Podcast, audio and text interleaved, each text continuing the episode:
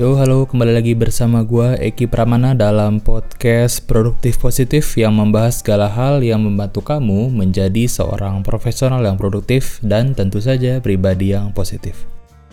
Oke, gak kerasa podcast ini udah sampai di episode 10 di awal Maret ini dan So sorry banget di minggu lalu gua nggak upload episode karena um, ada banyak alasan sih kenapa gua nggak upload tapi daripada kita bahas panjang lebar jadi kayak terkesan excuse mending kita skip aja langsung bahas materi oke okay?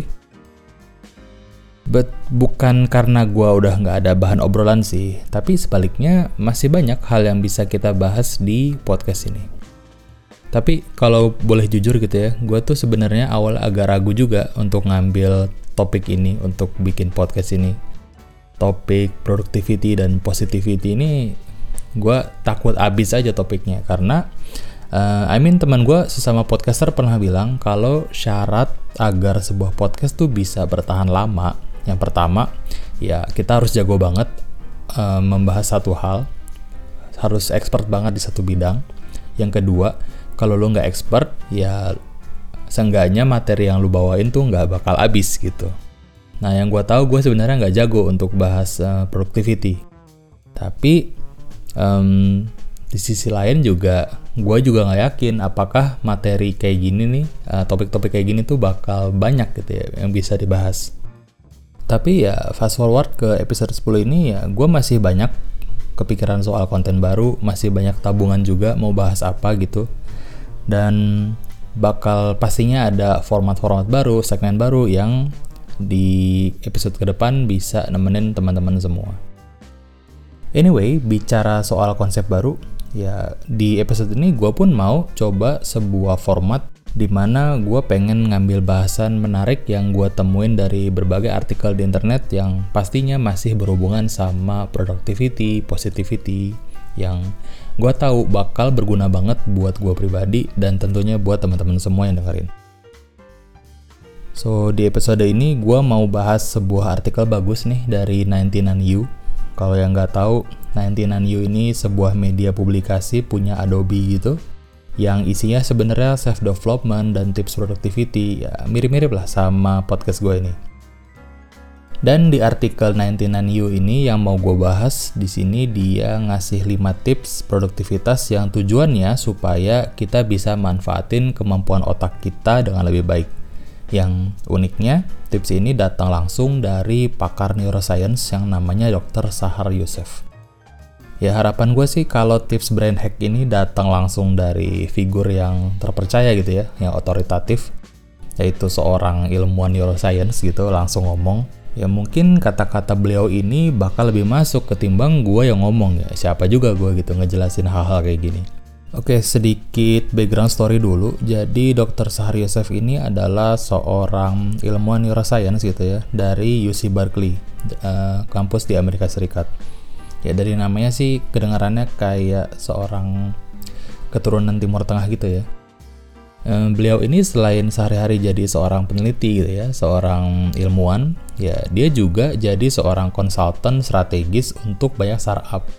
Ya, gue juga nggak begitu paham dia kerjanya ngapain sebagai konsultan ini, tapi menurut gue dua pekerjaan dia ini satu sebagai ilmuwan neuroscience, satu lagi sebagai konsultan startup, ya ya ini yang bikin dia cocok banget buat ngomongin tips-tips brain hack untuk menunjang produktivitas kerja kita. Oke, biar nggak lama-lama lagi, langsung aja. Tips produktivitas pertama dari Dr. Sahar Yusef adalah kita harus bisa tanda kutip mendesain otak kita sendiri. Nah, Dr. Yusef ini menganalogikan otak kita tuh sebagai sebuah otot. Ya, maksudnya gimana? Nah, coba kita lihat atlet dari berbagai cabang olahraga. Atlet ini kan sama-sama manusia kan ya, sama-sama punya struktur otot yang sama, tapi cara mereka memanfaatkan otot tuh beda-beda. Kayak misalnya atlet angkat besi misalnya, dia tuh punya upper body strength yang kuat. Sedangkan kalau atlet lari, dia tuh butuhnya fokus ke stamina.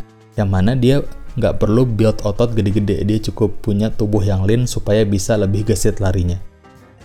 Nah sama kayak melatih otot, yang nggak ada strategi atau taktik one for all buat melatih kemampuan otak. Ya, cara ngelatih otak itu tergantung sama jenis fungsi yang pengen kita tingkatin. Nah, misalnya kamu pengen latih biar bisa fokus lebih lama. Kamu bisa coba buat latihan meditasi misalnya. Nah, semakin sering dan jago meditasi, ya semakin kuat otot fokusnya nanti.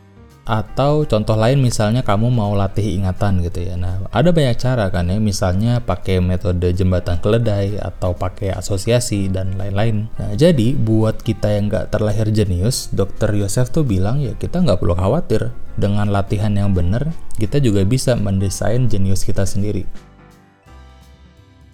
Tips kedua dari Dr. Yosef ini adalah, hmm, ini kebetulan gue udah bahas nih ya sebelumnya di episode ke-9, yaitu setiap orang tuh punya ritme yang beda-beda, punya ritme sirkadian yang beda-beda, punya siklus bangun tidur otak yang beda-beda juga. Jadi, menurut Dr. Yosef tuh sebaiknya supaya otak kita bisa kerja secara lebih maksimal, ya kita jangan ngelawan jam natural tubuh kita, tapi seharusnya kita memanfaatkan itu. Nah, misalnya kamu emang seorang yang early riser yang harus bangun pagi, yang tidurnya sore gitu ya. Ya jangan coba-coba buat bangun tidur jam 2 pagi buat belajar karena ya otak kamu tidak didesain buat bangun tidur jam 2 pagi. Ya intinya kita perlu cari tahu gitu ya kapan jam kita paling produktif dan waktu kita lagi wind down gitu, lagi redup. Nah, dari situ kita bisa maksimalin output kerja kita dan produktivitas kita. Nah, cara-cara gimana detailnya bisa kamu dengerin di episode 9 kemarin. Oke, tips ketiga dari Dr. Yosef adalah kita harus memahami kalau multitasking itu ya nggak ada benefitnya. Di kehidupan pekerja modern kayak kita gini, kayaknya semua hal tuh berlomba-lomba buat mencuri perhatian kita, ya nggak sih? Tiap hari ada aja email masuk, ada pesan Slack masuk, ada undangan meeting yang makan waktu kerja kita yang sebenarnya. Padahal seharusnya pikiran kita tuh dicurahkan ke pekerjaan yang beneran penting. Nah, otak kita tuh harusnya dipakai untuk berpikir kreatif dan kritis yang benar-benar membantu kita menyelesaikan tugas di hari itu. So, dengan memahami kalau multitasking itu adalah sebuah mitos, kita harusnya bisa paham kalau otak kita tuh hanya bisa memproses jendela informasi yang sempit di satu waktu. Hmm, dari situ kita harusnya lebih baik lagi membuat penjadwalan kapan kita harus buka email, kapan kita harus fokus kerjain deep work, kapan harus meeting, dan itu nggak bisa ditumplak-blak di satu waktu gitu ya, harus diatur waktunya.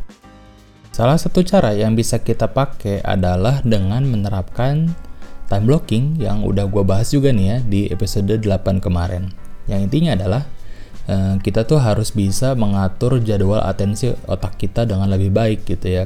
Dan yang paling penting kita juga harus bisa mengatur prioritas kita dari situ. Nah ini juga bisa disesuaikan sama ritme circadian kita masing-masing, biar lebih mantep gitu. Nah itu tadi tips ketiga buat ninggalin multitasking. Nah yang keempat adalah membuat asosiasi baru yang lebih baik. Asosiasi ini maksudnya bukan semacam perkumpulan gitu, tapi e, maksudnya korelasi kali ya gitu. Nah, seringnya ketika sebuah kegiatan yang kita lakukan sudah jadi kebiasaan, kegiatan itu tuh bakal punya korelasi yang kuat sama lingkungannya. Contoh sederhananya nih ya, misalnya kamu yang biasa kerja remote di cafe misalnya, suka ngerasa nggak sih kalau kerja di cafe itu kadang lebih produktif, lebih masuk gitu daripada kerja di meja kantor sendiri. Nah ini biasanya karena terpengaruh sama asosiasi ini. Bisa jadi nih ya, saat kerja di meja sendiri, kamu nggak sadar suka buka-buka HP, nonton YouTube, bahkan suka ada gangguan eksternal kayak misalnya temen yang suka ngajak ngobrol dan so on. Dan di mana hal-hal itu tuh kamu nggak temuin di cafe misalnya. Karena kerja sendirian di cafe, misalnya internet jelek kan kamu harus pakai tethering gitu ya. Yang mana nggak bisa juga buat nonton YouTube gitu karena sayang pulsanya. Nah, itu yang akhirnya ngebentuk alasan kenapa kita lebih fokus kerja di cafe gitu. Nah, apakah ini tanda-tanda bagus? Ya, bisa jadi enggak, karena kamu bisa jadi mulai mengasosiasikan meja kantor sebagai tempat kamu nggak bakal bisa ngerjain tugas dengan benar.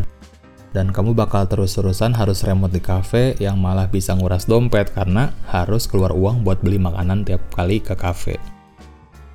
So, gimana caranya ya kita harus bisa bikin asosiasi baru yang lebih positif. Kita latih lagi gitu ya, gimana caranya supaya kita bisa mengasosiasikan meja kantor dengan uh, pekerjaan yang produktif gitu. Caranya kamu bisa make sure meja kerja kamu tuh bebas dari distraksi atau misalnya supaya nggak digangguin teman kantor, kamu bisa pakai headset yang gede gitu ya supaya buat ngasih signal aja kalau kamu nggak bisa digangguin. Nah, kenapa ini penting? Ya bisa jadi asosiasi kita selama ini tuh jelek banget. Misalnya kamu ada yang suka bawa kerjaan ke rumah nih ya, bahkan sampai kerja di tempat tidur karena ngerasa rumah adalah tempat paling produktif. Ya, ini jelek sih menurut gua karena harusnya kita tuh bisa lebih mindful gitu ya untuk urusan work-life balance. Menurut gua pribadi nih ya, urusan kantor tuh jangan sampai sih dibawa ke tempat pribadi dan sebaliknya urusan pribadi juga jangan sampai dibawa ke kantor. Oke, sampai di tips terakhir dari Dr. Sahar Yusef ini adalah agar lebih produktif dalam bekerja, kita harus mempraktekkan hal-hal yang paling basic, yaitu merawat diri. Sesimpel melatih diri kita buat makan sehat, olahraga rutin, minum air putih, istirahat cukup gitu ya. Nah, ini bakal ngebantu banget tubuh kita buat perform lebih baik. Ya, seperti kata pepatah Latin, mens sana in corpore sano, di dalam tubuh yang kuat terdapat jiwa yang kuat. So, ketika kita udah maksimalin kerja otak kita, ya jangan lupa juga buat maksimalin kerja tubuh kita.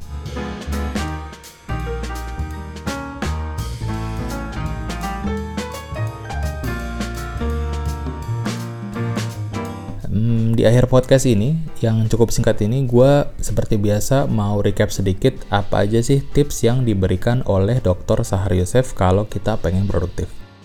Yang pertama, desain otak kita sendiri. Coba latih otak kita dengan kemampuan yang kita perlukan di dalam pekerjaan kita. Kedua, pelajari ritme internal kita, cari tahu kapan waktu otak kita bekerja paling maksimal. Yang ketiga, multitasking itu hanyalah mitos. Fokus sama satu pekerjaan dalam satu waktu untuk output yang maksimal. Yang keempat, buat asosiasi positif antara lingkungan kerja kamu dengan output kerja kamu. So, kita bisa kerja maksimal di tempat yang benar juga.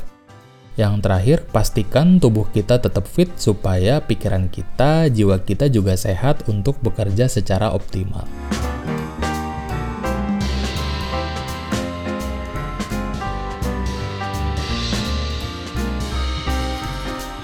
Oke, segitu dulu dari gua. Thank you banget untuk semua yang udah dengerin podcast ini. Jangan lupa kalau kamu mau say hi bisa follow gua di Instagram @productiveplus plus gitu ya atau @equivalent atau langsung aja email ke ekipramana@gmail.com. Gua pamit undur diri, sampai jumpa di episode berikutnya. Keep productive, stay positive. Ciao.